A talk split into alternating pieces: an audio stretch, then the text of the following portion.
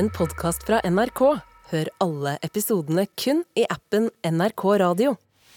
Du hører Etikketaten med Madeleine Sederstrøm. Det finnes de som sier at livet er kort. Det er selvfølgelig bare tøys. Så vidt vi vet er det det lengste vi noensinne kommer til å oppleve. I evighetens perspektiv er det forstås bare et lite litet blunk. Men det er ditt blunk. Det er du som må avgjøre hvordan ditt blunk skal brukes.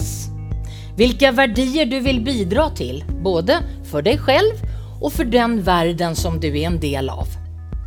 Velkommen til Etikettaten der vi utforsker valgene som vi gjør, og verdiene som ligger bak i dette forunderlige, utfordrende og fantastiske livet vårt.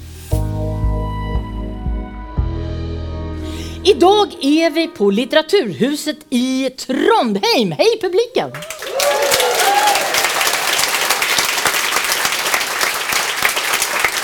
Välkomna ska ni vara och välkomna också till panelet. Forsker och fysiker ved NTNU, författare utav boken Maskiner som tänker, Inga Strumke.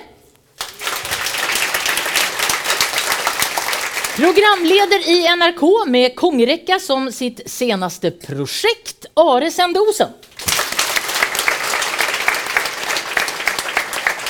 Og som vanlig så har jeg en kompetent filosof vid min sida, leder ved Institut for filosofi og religionsvetenskap ved NTNU i Trondheim, filosofen Heine Holmen.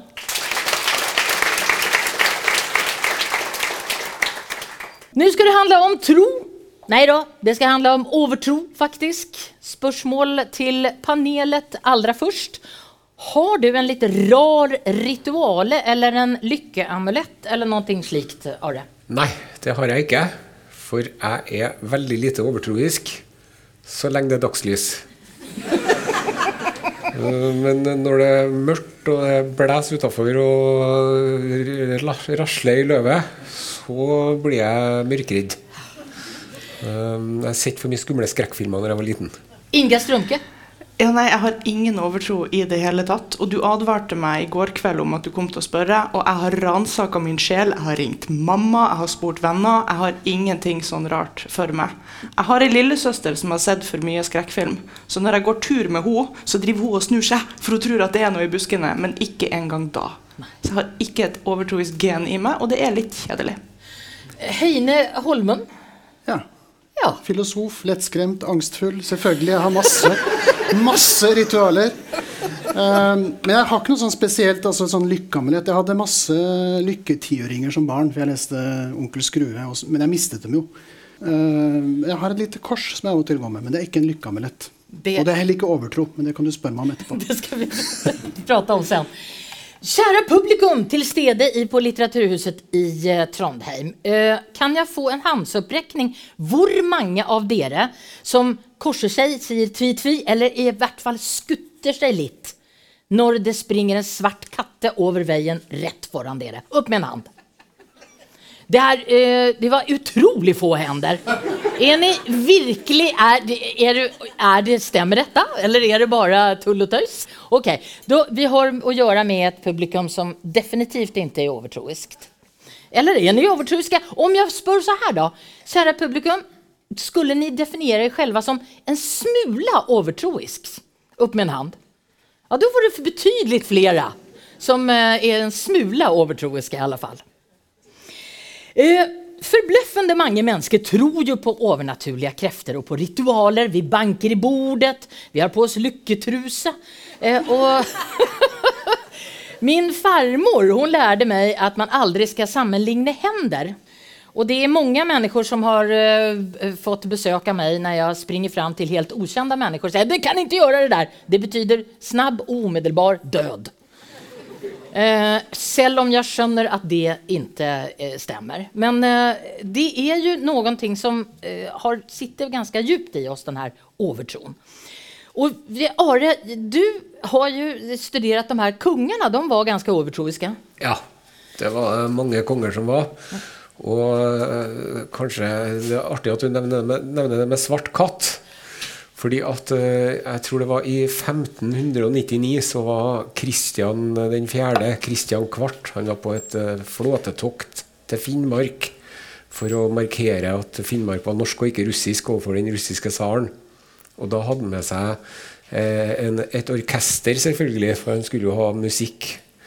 Og så var det en hornblåser i det her orkesteret som var i Finnmark, og der så han en svart katt som var så utrolig fin. Så han eh, tok den katta der og sprang om bord i båten med den, med kattens eier fresende bak. En eh, kvinne da, fra Finnmark. Og så, eh, når de seilte nedover mot Danmark igjen, vil du tro det, så ble det dårlig vær om høsten utenfor Finnmark.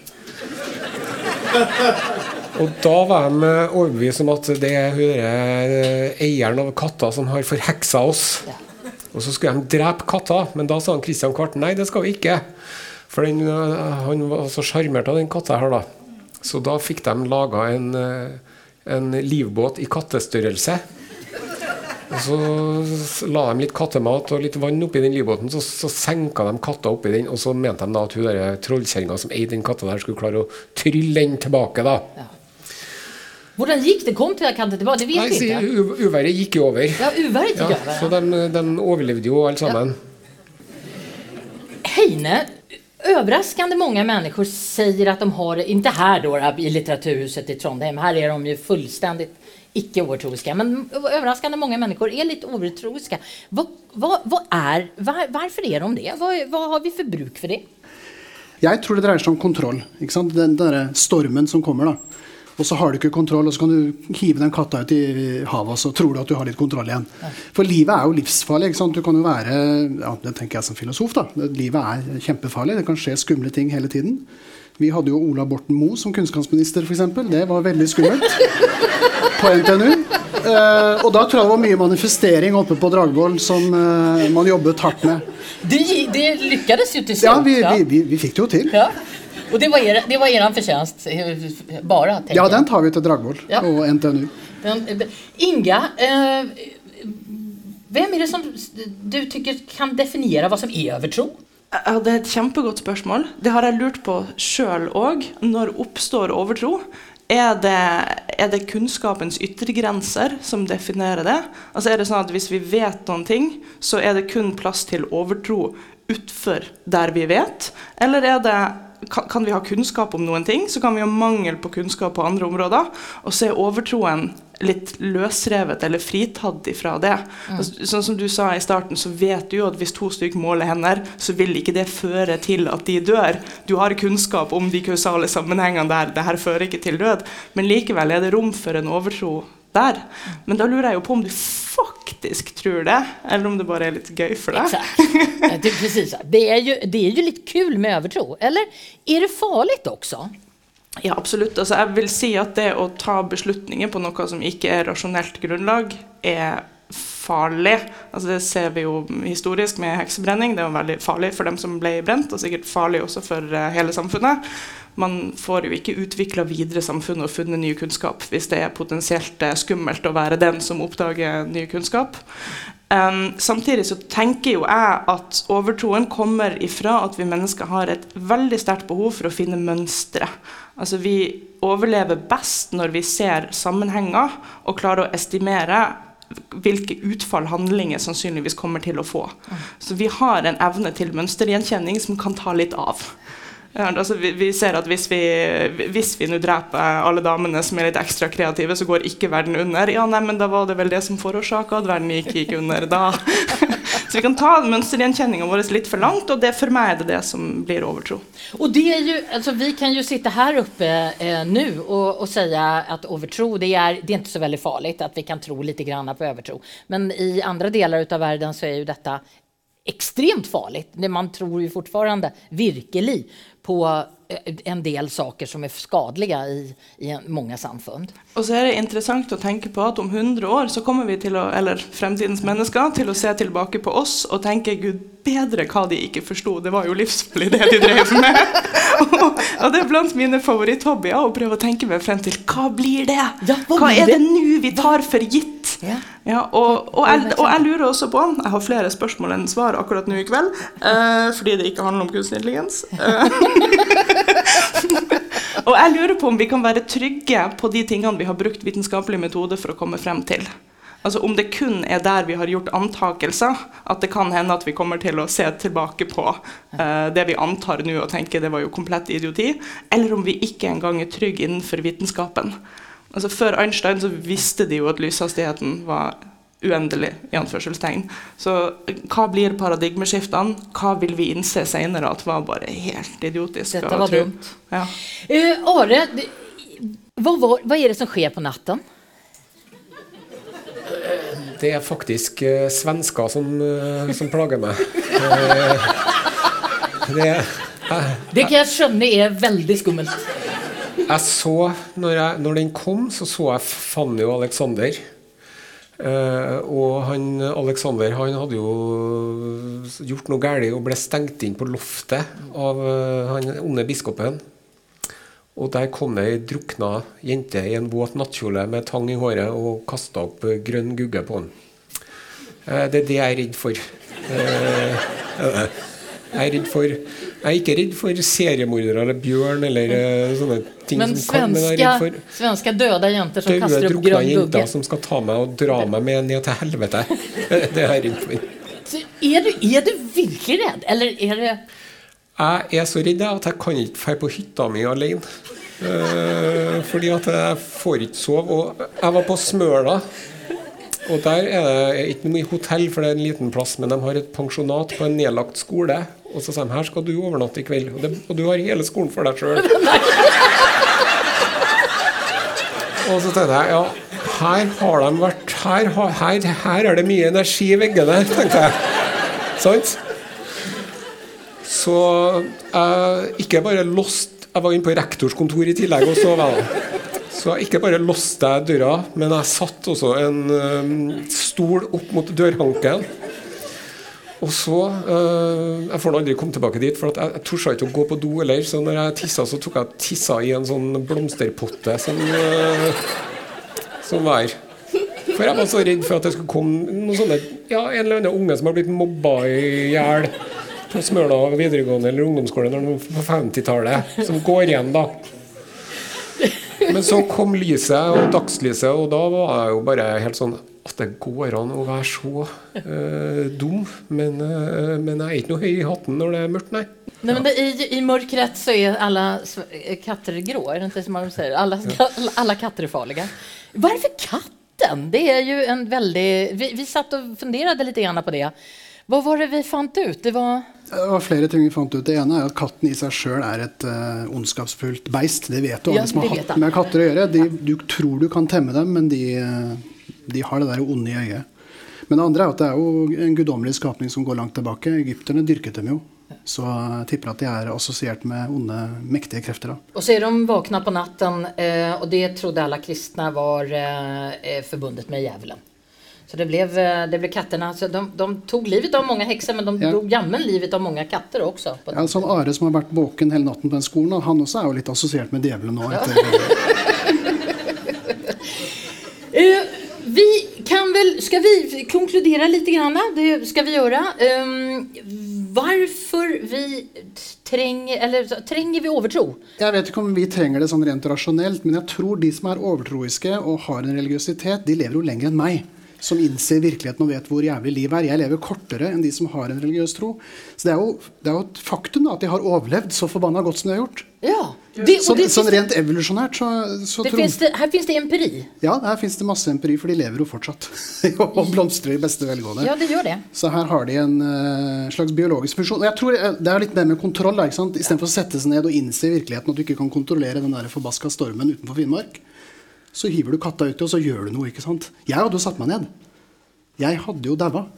Ja. Det- er veldig Jeg ikke med litt en gang. Hvorfor, hadde du daua hvis du hadde altså Stormen hadde jo ikke forandra seg, avhengig av om du hadde en katt du heiv ut i vann. Altså, hva foregår? Nei, men hvis jeg har overtro, så kan jeg liksom få troa igjen, den lykkeamuletten, eller eh, Altså, man kan jo gjøre ting, ikke sant. Så man blir mer handlingsaktiv ved å tro at du kan få til noe. Jeg som da innser at virkeligheten er eh, ukontrollerbar og tilfeldig og sitter og, ja, sitter og meningsløst uh, filosoferer oppe på Dragvoll. Jeg er, jeg er jo sjanseløs i det evolusjonære Du dør. kappløpet. Det er den gode, gamle 'håpet dør sist'. Ja. Ja, jeg tror det. ja men det greit.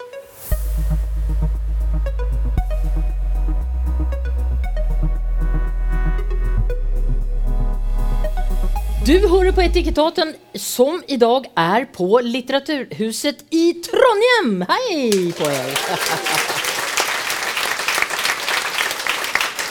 Gästerna i panelet forsker Inga Strumke, filosof Heine Holmen og programleder Are Sende Osen. Vi skal snakke om livet og om døden. Hvis vi blir spurt om vi vil leve lenger, så vil de aller fleste svare ja, det vil vi.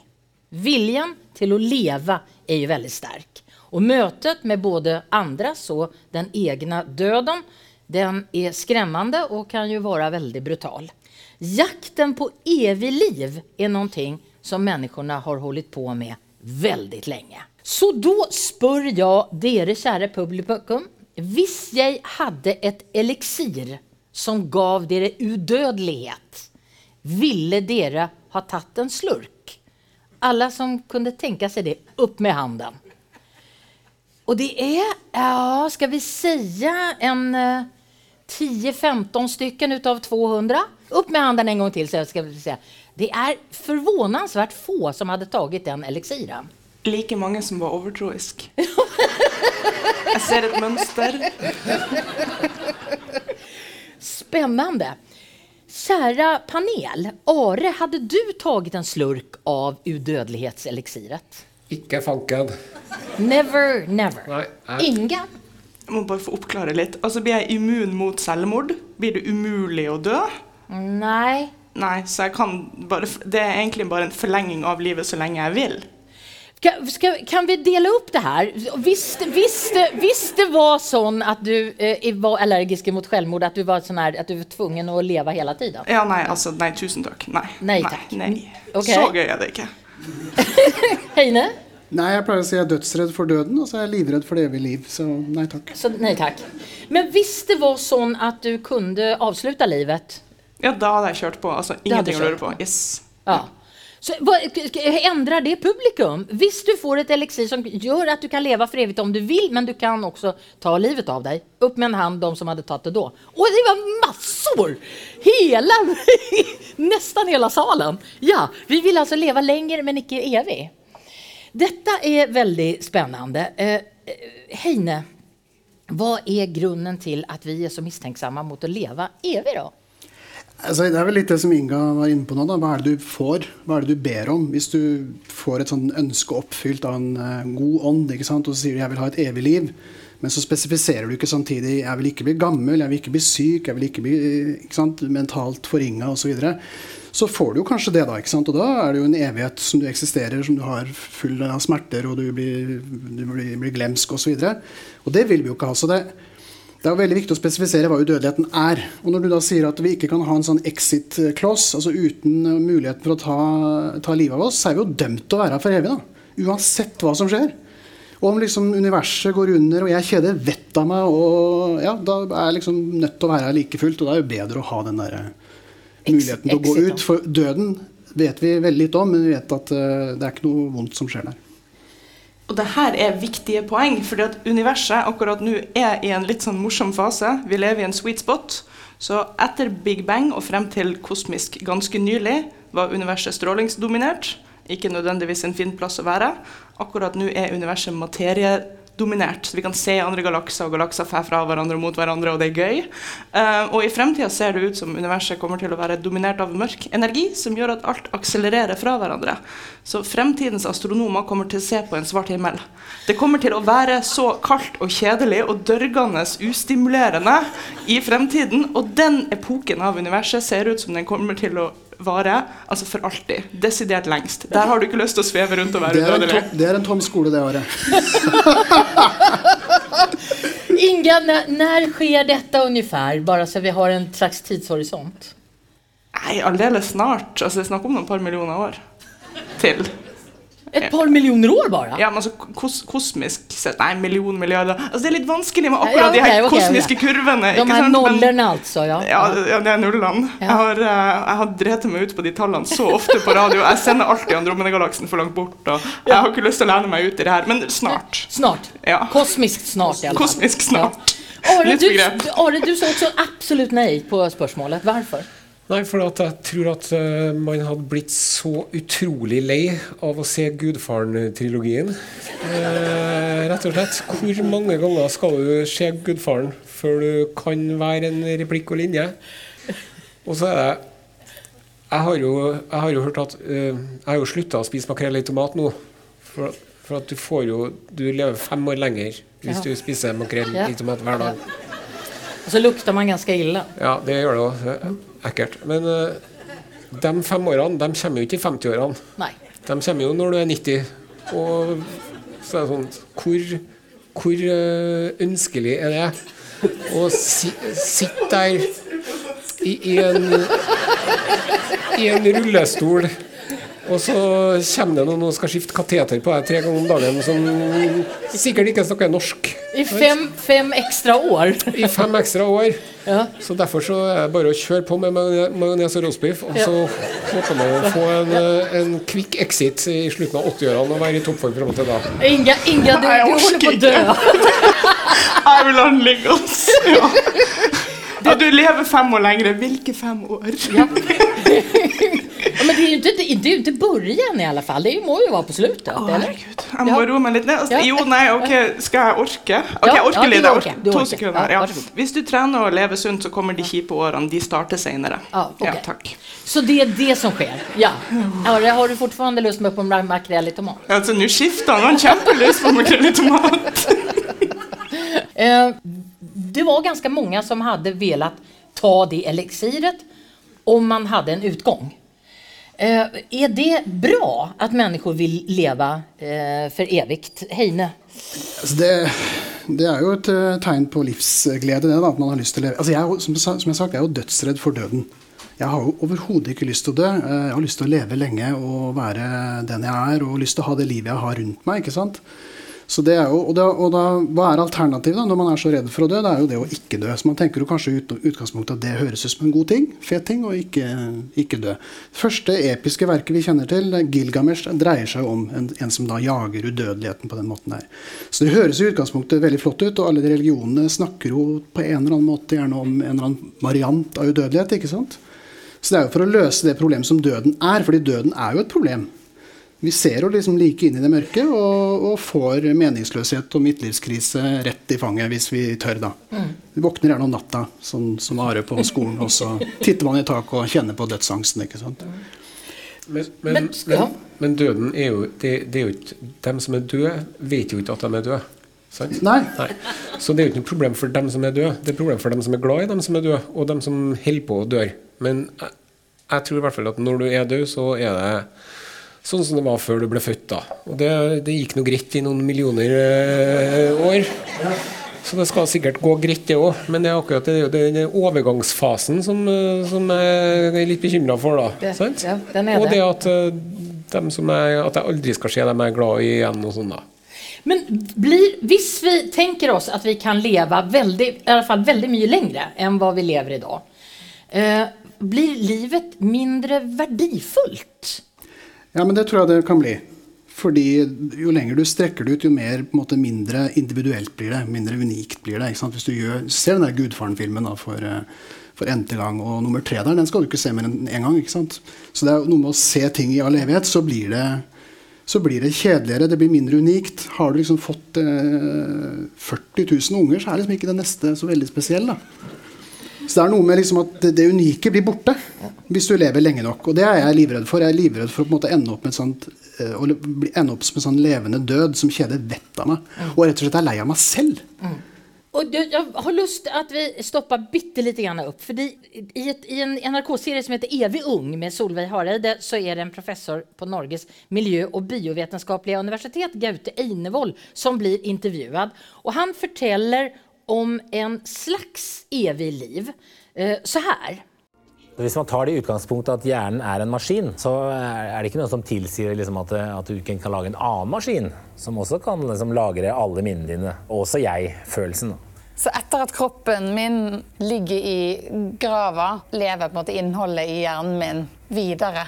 Men har jeg fått evig liv da? Har man, hvis du laster opp alt i cyberspace, dig själv och dina minnen och jag-födelsen som man kan laste ned igjen? For det første, Inga Strömke, är det, tror du at det kommer å kunne skje noen gang? Det tror jeg, fordi at jeg ikke tror at det er noe mystisk som foregår i kroppen min. Jeg tror at det jeg er, finnes inni her og består av fysiske prosesser og fysisk materie. Så ja, prinsipielt så tror jeg at det skal være mulig. Eh, men, og det her har jeg diskutert også mye med Gaute, jeg tror ikke at det er nok å kopiere hjernen. Jeg mener at veldig mye av opplevelsen med å være oss kommer fra andre plasser i kroppen enn bare hjernen.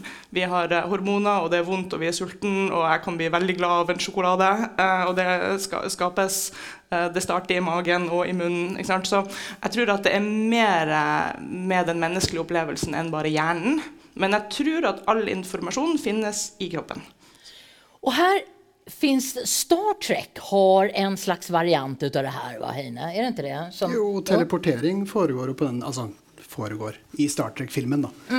Så leser man av informasjonen til Inga, og så destruerer man kroppen der og da.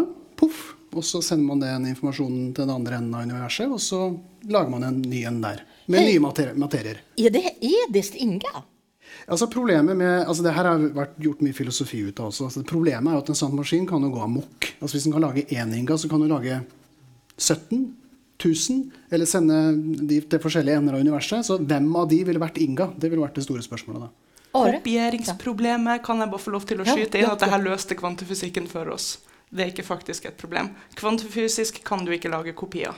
Skal du lage en kvantemekanisk i anførselstegn kopi, så ødelegger du originalen idet du lager kopien. Så det her er egentlig ikke et problem? Du er dau. Inge er dau. vi har andre problemer. Dette er ikke et av dem.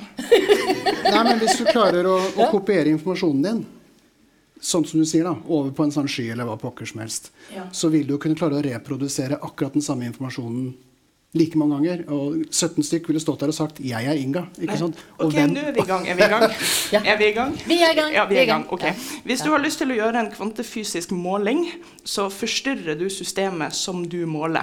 Så hvis du lurer på hvor en bitte, bitte liten partikkel er, så må du bombardere den med andre partikler for å finne ut hvor den er.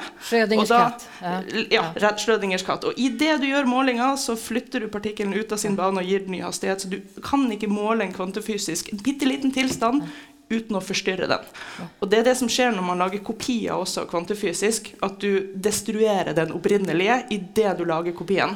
Så om jeg lager kopien i skyen og har lyst til å lage 17 nye Ingar, så må jeg opp og måle den, men da ødelegger jeg den idet jeg gjør målinga, så da ender jeg kun opp med én kopi. Nå syns jeg at du var kjempesedelig.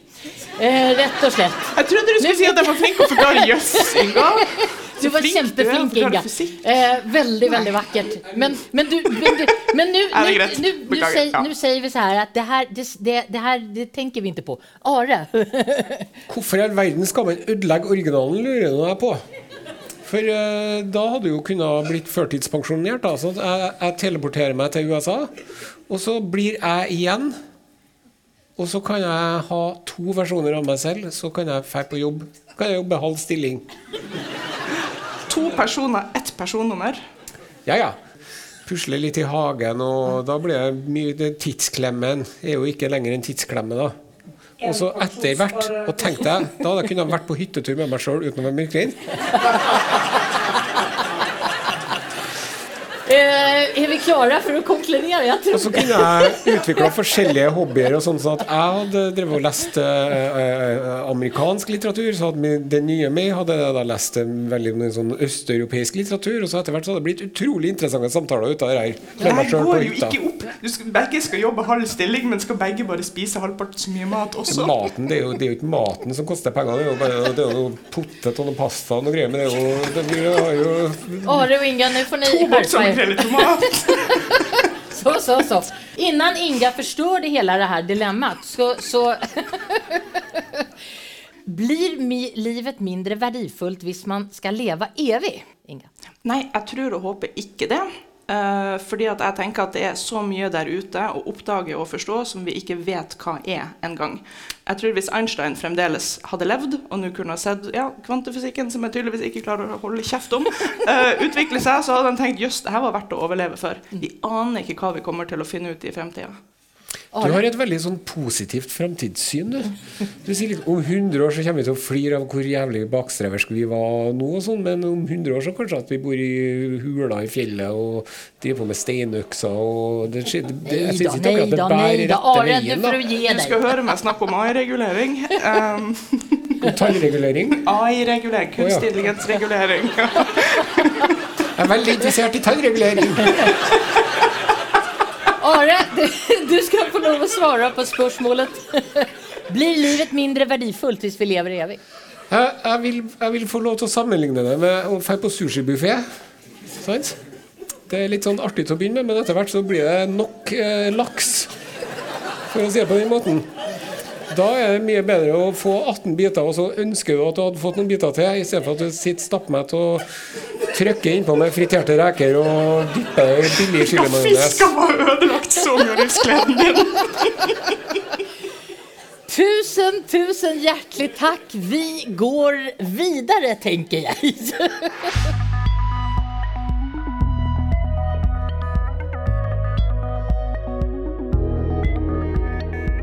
Du hører altså på Etikettaten, som i dag er på Litteraturhuset i Trondheim. Og gjestene i panelet er altså forsker Inga Strumke, filosof Heine Holmen og programleder Are Sende Osen. Kjære panel og publikum, vi skal rett inn i Bibelen. Nå skal jeg spørre dere. Jeg begynner på det tiende budet. Og så vil jeg gjerne at dere skal rope ut det ordet som kommer efter at jeg stopper. Klarer dere det? Tiende budet. Ok? Du skal ikke Nesten. Nesten. Ja. Skal vi prøve en gang til? Du skal ikke Begjære. Der var det. Skal vi ta det en gang til? Vi tar det. Du skal ikke Begjære. De kan det her. Veldig, veldig bra. I femte Mosebok, eh, kapittel 5, vers 5-21. Du skal ikke begjære din nestes hus, hans kone, hans arbeidsfolk, hans okse eller hans esel, eller noe som hører din nabo til. Ja, la oss snakke om andre som man ikke skal begjære, hans kone. Vi skal prate om menneske, menneskets seksuelle begjær. Det har alltid vært en drivkraft i oss mennesker, men hvorfor begjærer vi, og hva skal vi med det til? Og hvilke verdier og konflikter kommer sammen med begjæret? Jeg har lyst til å begynne med deg, Heine. Hvorfor begjærer vi? Det gir jo veldig mye verdi, da. Fordi eh, seksualitet uten begjær, det er ikke veldig morsomt. Så det er noe med at det, det, gir, eh, det gir på en måte en, eh, en farge til livet som, eh, som du ikke ville hatt uten begjær. Det å drikke noe du virkelig har lyst på, som et glass, eh, godt glass vann eller et godt glass vin, det er så mye bedre når du har virkelig den der sterke tørsten. Så begjæret bidrar jo til å gjøre livet ganske kraftig, ganske farge, fargerikt. Og det er derfor også det er så sterkt at vi har eh, til og med da et eget bud for at du skal passe litt på hvor det begjæret går hen. da. Are, har ditt begjær forsatt deg i, i en et, eh, altså alltså i, i pinsamma situationer någon gång? Og gjett. Det, det var ikke Sokrates som sa det, at når han mista, mista lysten på sex, så var det som å slippe å ri på en vill hest, eller noe sånt, tror jeg. Eh, De spurte om han ikke savna det. Jepp. Eh, jeg, jeg må bare innrømme at jeg, har, jeg kjenner ofte på begjær i mitt hjerte. Jeg gjør det. Eh, heldigvis så er jeg ganske god til å ja. Ja det, det, blir jo med, det, det blir jo så veldig ofte med tanken, da. Ja. Men tanken er jo fri. Tanken er fri.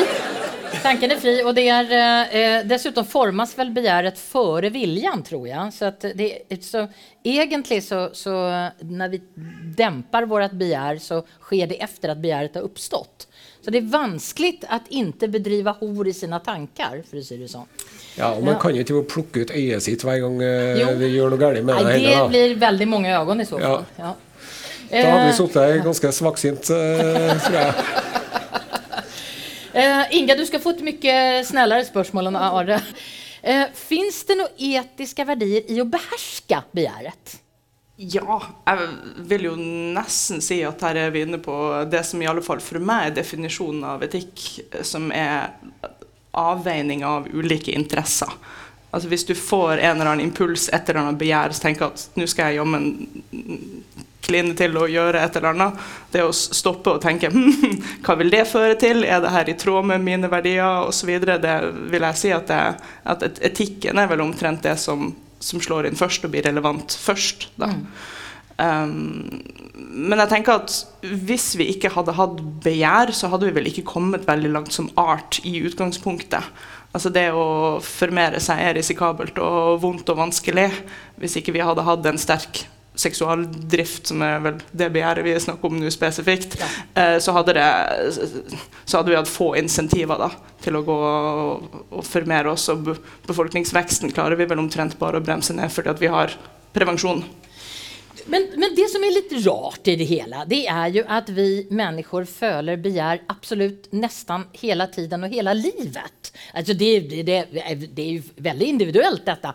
Men men hva er f.eks. meningen Hva ligger i om man säger så, hva, vad, ligger meningen i at kvinner som ikke kan få barn, føler begjær? Varför skal vi bale med det her begjæret enda til vi dauer nästan? I alle fall alle män. Inte alla män, men nesten alle män gjør det. men män kan man jo förstå, de får, kan ju få barn når de er 80. Men kvinner, da? Er ikke det rart? Det er jo Ja, det er mye som er rart, da, men uh, vi har jo det, altså, Sannsynligvis så har vi mer av begjær enn det vi trenger. Fordi det skal liksom få oss til å reprodusere oss uh, oftere enn det vi tenker at er klokt. Da. Så det er jo litt sånn som biologien fungerer. Den gir oss uh, mer av det vi trenger mye av. Og så, sånn som søtsug, f.eks., har vi masse av. Det trenger vi ikke så veldig mye av i dag. da. Så begjæret er litt sannsynligvis i samme kategori, så vi har mer enn vi trenger. og Derfor er den så sterk, sånn rent sånn biologisk. Men jeg tror, eh, som sagt, jeg er litt med på den der, når du stiller sånn spørsmål hvorfor har vi det, og sånn, så tenker jeg litt mer på livsfylde og livsglede, og at livet kan bli vakkert og flott med dette her. Ja. Jeg er ikke så veldig på det biologisporet. Men, eh, men det er jo samtidig veldig talende at sant, det latinske ordet for kjønnsorgan det var jo å skamme seg. Så det du snakker om med etikken, er det å hele tiden kontrollere dette begjæret og tøyle det. og sånn, Det er jo en veldig gammel tanke om at dette er en sånn livsfarlig kraft som, eh, som eh, trekker oss liksom ut av vårt gode skinn og gjør oss uetiske og sånn. Det er én måte å tenke på det på, men en annen måte som jeg syns er mye bedre, er den som Aristoteles har, og som er på en måte at det her dreier seg om å måte, jobbe litt med følelsene, og, og sånn at de jobber med deg som etiker, da, ikke imot deg. Det å hele tiden stå og slå ned på følelsene og si nei, mm.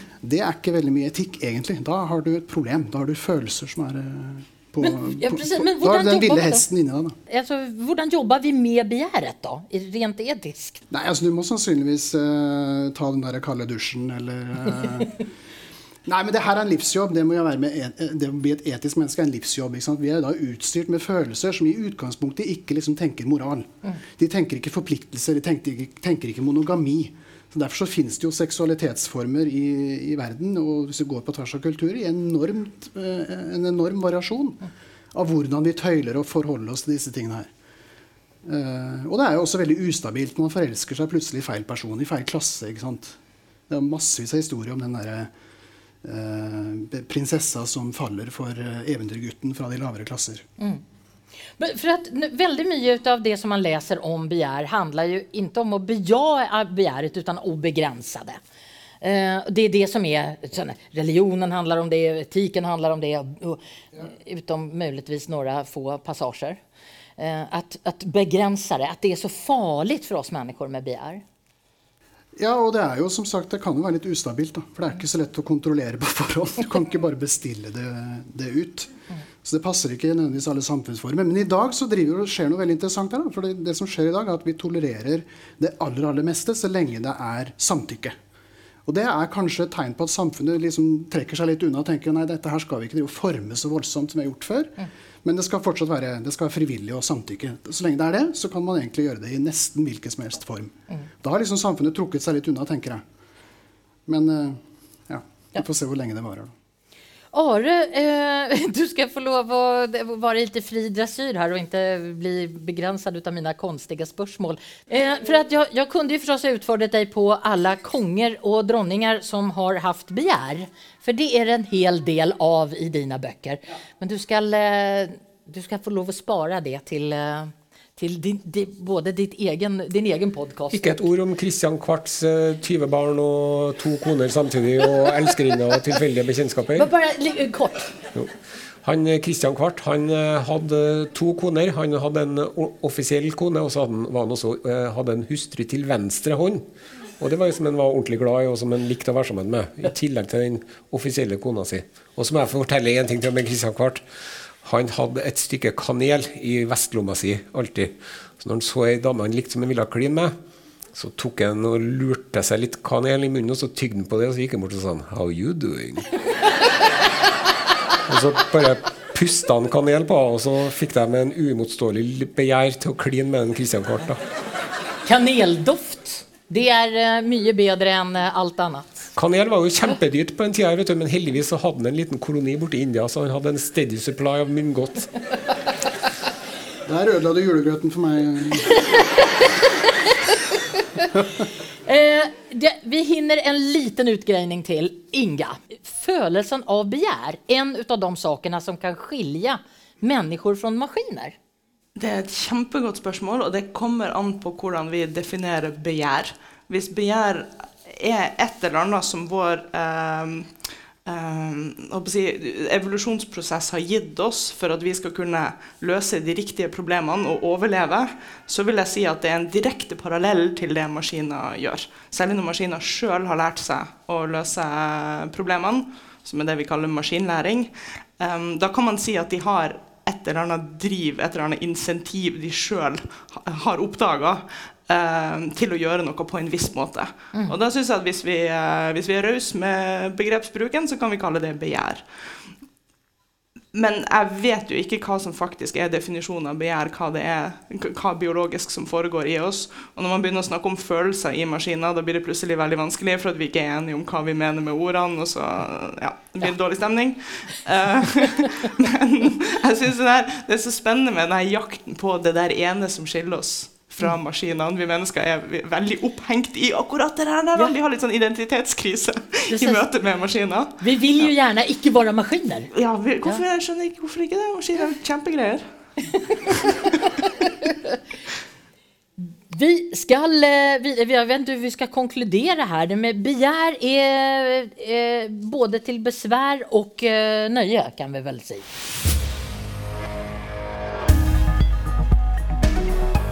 Du hører altså på Etikettaten, som i dag er på Litteraturhuset i Trondheim! Gjestene i panelet forsker Inga Strumke, filosof Heine Holmen og programleder Are Sende Osen. Vi skal til et meget klassisk dilemma i etikken. Det umulige valget. Eh, her med sporvognsproblemet.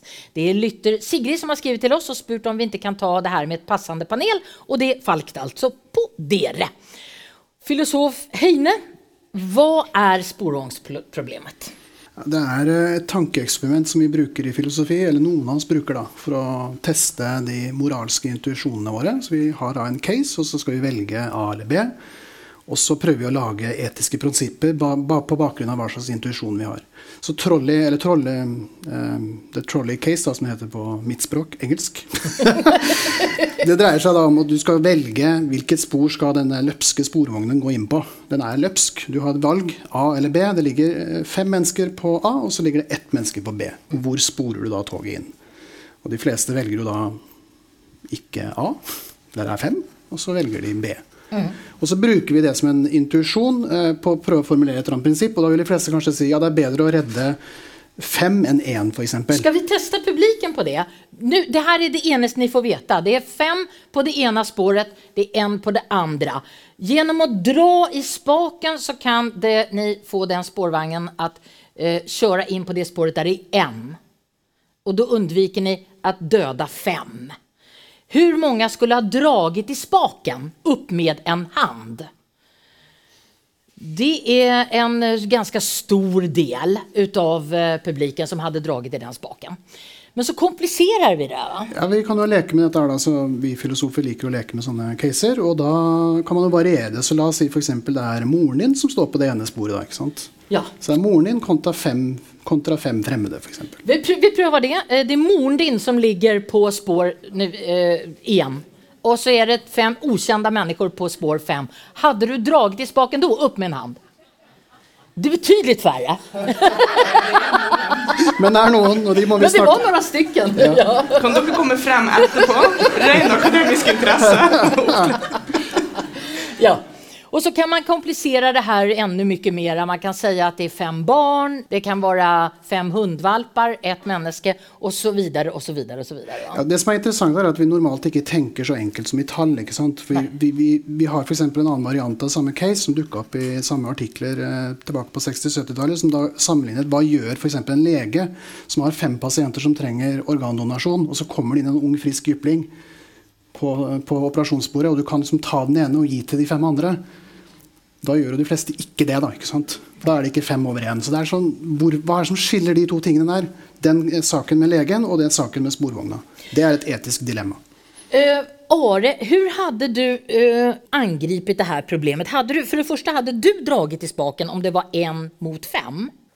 Jeg, jeg, jeg har jo tenkt sånn på hva jeg skal si til dere der, da. uh, og jeg syns det er veldig, veldig vanskelig. Og jeg tenker at eh, Å ikke handle er jo også på en måte en handling, da. Men jeg tror at jeg, jeg, tror at jeg ville ha tatt bussen istedenfor å ta trikken. Altså. Jeg, bare, det er, jeg orker ikke å forholde meg til det der, for at jeg syns det er helt sånn uh, uh, ja, men så er det sånn, ja, hvis jeg hadde fem nazister, kanskje, da sant? Da skulle jeg jo dratt i håndtaket med glede. Men, uh, og hvis det hadde vært mora mi som hadde vært her, så hadde jeg også pen, pensa det bort fra min mor, da. Ja.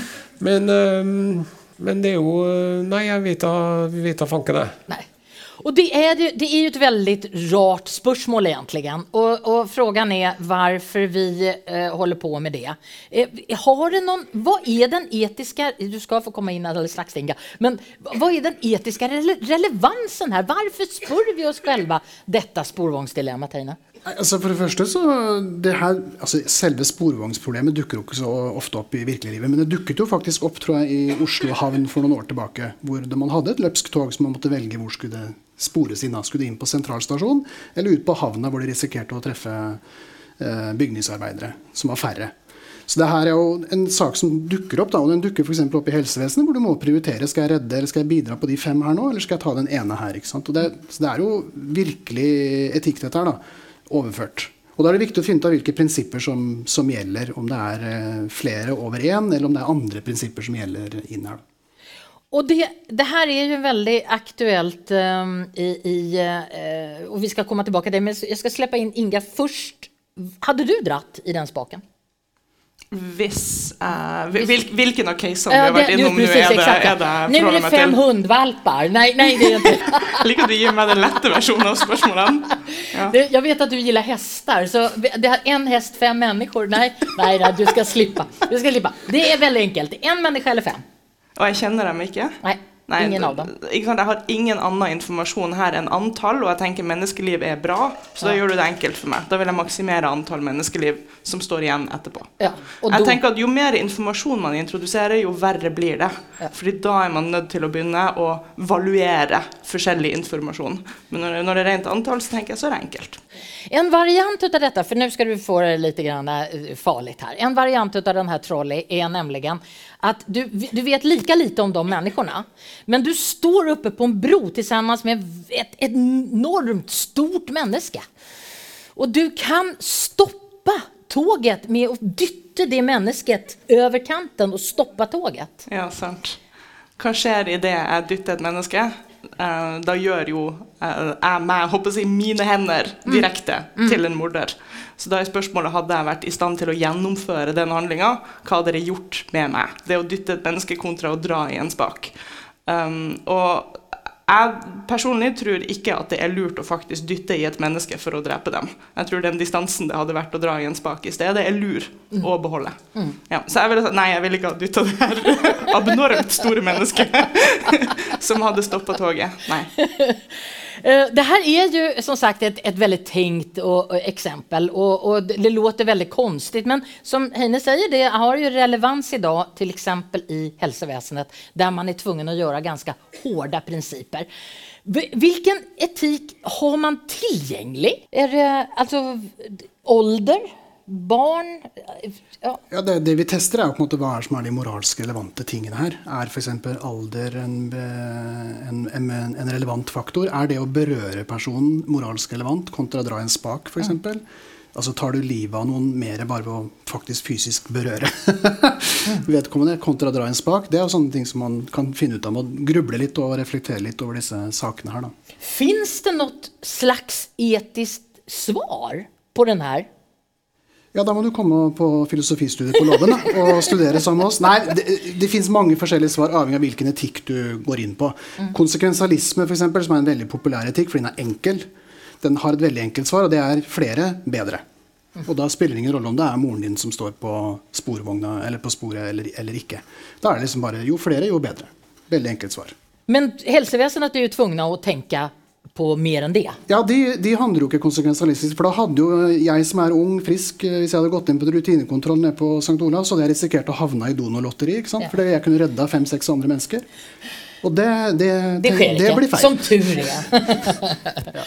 Eh, vi kommer att vara tvungna att ta hänsyn till det här med eh, akkurat de här sakerna därför att vi ska nämligen programmera självkörande bilar. Och då måste de veta vad de ska göra. De måste programmeras. Och för några år sedan så spurte man den, det på den tiden den mest moderna AI i världen om det här problemet.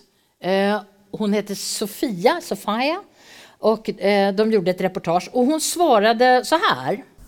If this is all the information I had, I would definitely not pull the lever. There might be other unknown complexities in the situation. Robots will have to learn more complex ethical rules from humans gradually over time. Ja, så det hon säger då det är att eh, eh, hon skulle inte ha dragit i den spaken därför att hon vet för lite. Och så säger hon i tillägg, vi må robotar må lära oss mer av er människor, så varsågod Inga. Ja, det skulle tatt seg ut hvis hun hadde svart noe annet da. Eh, altså, du ser du for deg den overskriften 'Robot uh, ofrer menneskeliv'? ikke sant? Nei, det her tror jeg nok var Nå spekulerer jeg, men jeg tror det var hardkoda inn hva hun skulle svare på akkurat det der. Ja. Um, men det er interessant det du sier, og, og, og altså sporvognsproblemet har blitt aktualisert nå i diskusjonen om selvkjørende biler. Fordi at vi mennesker, hvis vi havner utfor en ulykke, og der vi må velge om vi skal kjøre over en skoleklasse eller, eh, eller noen som er på andre sida av veien, så har vi effektivt ikke et handlingsrom der. For vi mennesker blir handlingslamma, vi blir paniske, vi, vi er ikke i stand til å ta raske nok beslutninger i stressa situasjoner. Men en eh, datamaskin vil være i stand til å analysere en situasjon og faktisk ta en beslutning der mennesker ikke kan det. Og det syns jeg er noe av det mer spennende med kunstig intelligens, at det effektivt oppstår nye handlingsrom. Dette er et eksempel på en plass der sporvognsproblemet går fra å være en morsom øvelse på Dragvoll til å bli et eh, spørsmål vi faktisk må besvare. Um, nå er det sånn da at jeg tror at eh, selvkjørende biler kommer til å havne da, hvis de noen gang oppstår, kommer til å havne under streng regulering. Så jeg tror ikke det her kommer til å være en filosofisk øvelse eller en etisk øvelse hvis vi må ta denne beslutninga. Men det jeg også synes er interessant, er at det har blitt gjort verdensomspennende eksperimenter på det her, bl.a. et som heter The Moral Machine, der man har spurt representanter fra eh, over 100 land rundt hele verden eh, hvordan de ville agert i forskjellige varianter av sporvognsproblemet, og man ser helt tydelige tendenser. For I vestlige deler av verden, der vi bor, så ser man at folk er mer passive. Altså mer sier 'jeg vil ikke dra i spaken, jeg vet ikke', enn andre deler av verden. I latinamerikanske land, altså sørlige land, land med historisk fransk påvirkning, um, så ser man at uh, det, det, det, prioriteres mer å, å, redde unge og redde kvinner. altså Det er en sånn beskytte de svake-holdning. Mens i østlige land uh, så er det sterkere tendenser til å redde lovlydige borgere. Jeg vet ikke om det her sosialkredittsystemet allerede var tatt i bruk uh, da de stakkars mennesker der svarte på det her spørsmålet på internett. Uh, men vi ser det at rundt verden da, så er det vidt forskjellige etiske prioriteringer på stor skala. Det er spennende. Det er kjempespennende, og det forteller oss at sannsynligvis kommer vi ikke til å klare å lage en global regulering på det her som forener alle perspektivene. Are, gjør det, dette deg uh, mer eh, hengiven til f.eks. at vi får sørkoreanske eh, selvkjørende biler i trafikken i Trondheim? ja, det mm, ja, da, de, de har jo veldig respekt for eldre, da, har de ikke det? Mm. Ja, etter hvert som jeg begynner å bli eldre sjøl, så kanskje at det er min interesse å si ja til det. da. Ja. Men uh, det er jo sånn sånn, sånn, sånn Heine liker å tenke på, men som jeg ikke liker å tenke på. Du har ingen bra eller sånn har ikke svar på ordentlig svar på det her. Og, og, så er det sånn, ja, hvis, hvor, hvor lovlydig skal man være hvis man har naska en Sant? Hvis man er nasker eller hvitsnippforbryter eller Jeg vet ikke. Nei, det blir. Jeg, jeg tar bussen. Det får bli det siste vi eh, sier i Etikettaten i dag. Vi, for det første, tusen hjertelig takk for at eh, dere var her.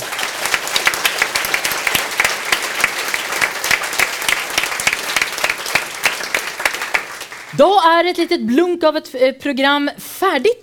Og vi kan ta fatt på resten av livet. Tusen takk til dere, kjære publikum. Panelet i dag har altså vært forsker ved NTNU med eh, boken 'Maskiner som tenker', forsker, eh, fysiker og forsker Inga Strumke. Programleder på NRK, podkasten Kongerekka, og med ny bok ute nå, Are Sendosen. Og leder ved Institutt for filosofi og religionsvetenskap ved NTNU, filosof Heine Holmen. Og denne episoden av Etikettaten og mye annet snacks finner du på appen NRK Radio. Skriv gjerne til oss med kommentarer og med dilemmaer til etikettaten krøllalfa nrk.no. Og de som gjør etikettaten er Hanne Næss Tremon, Hege Strømsnes, tekniker Morten Lyen og jeg heter Madeleine Cederström.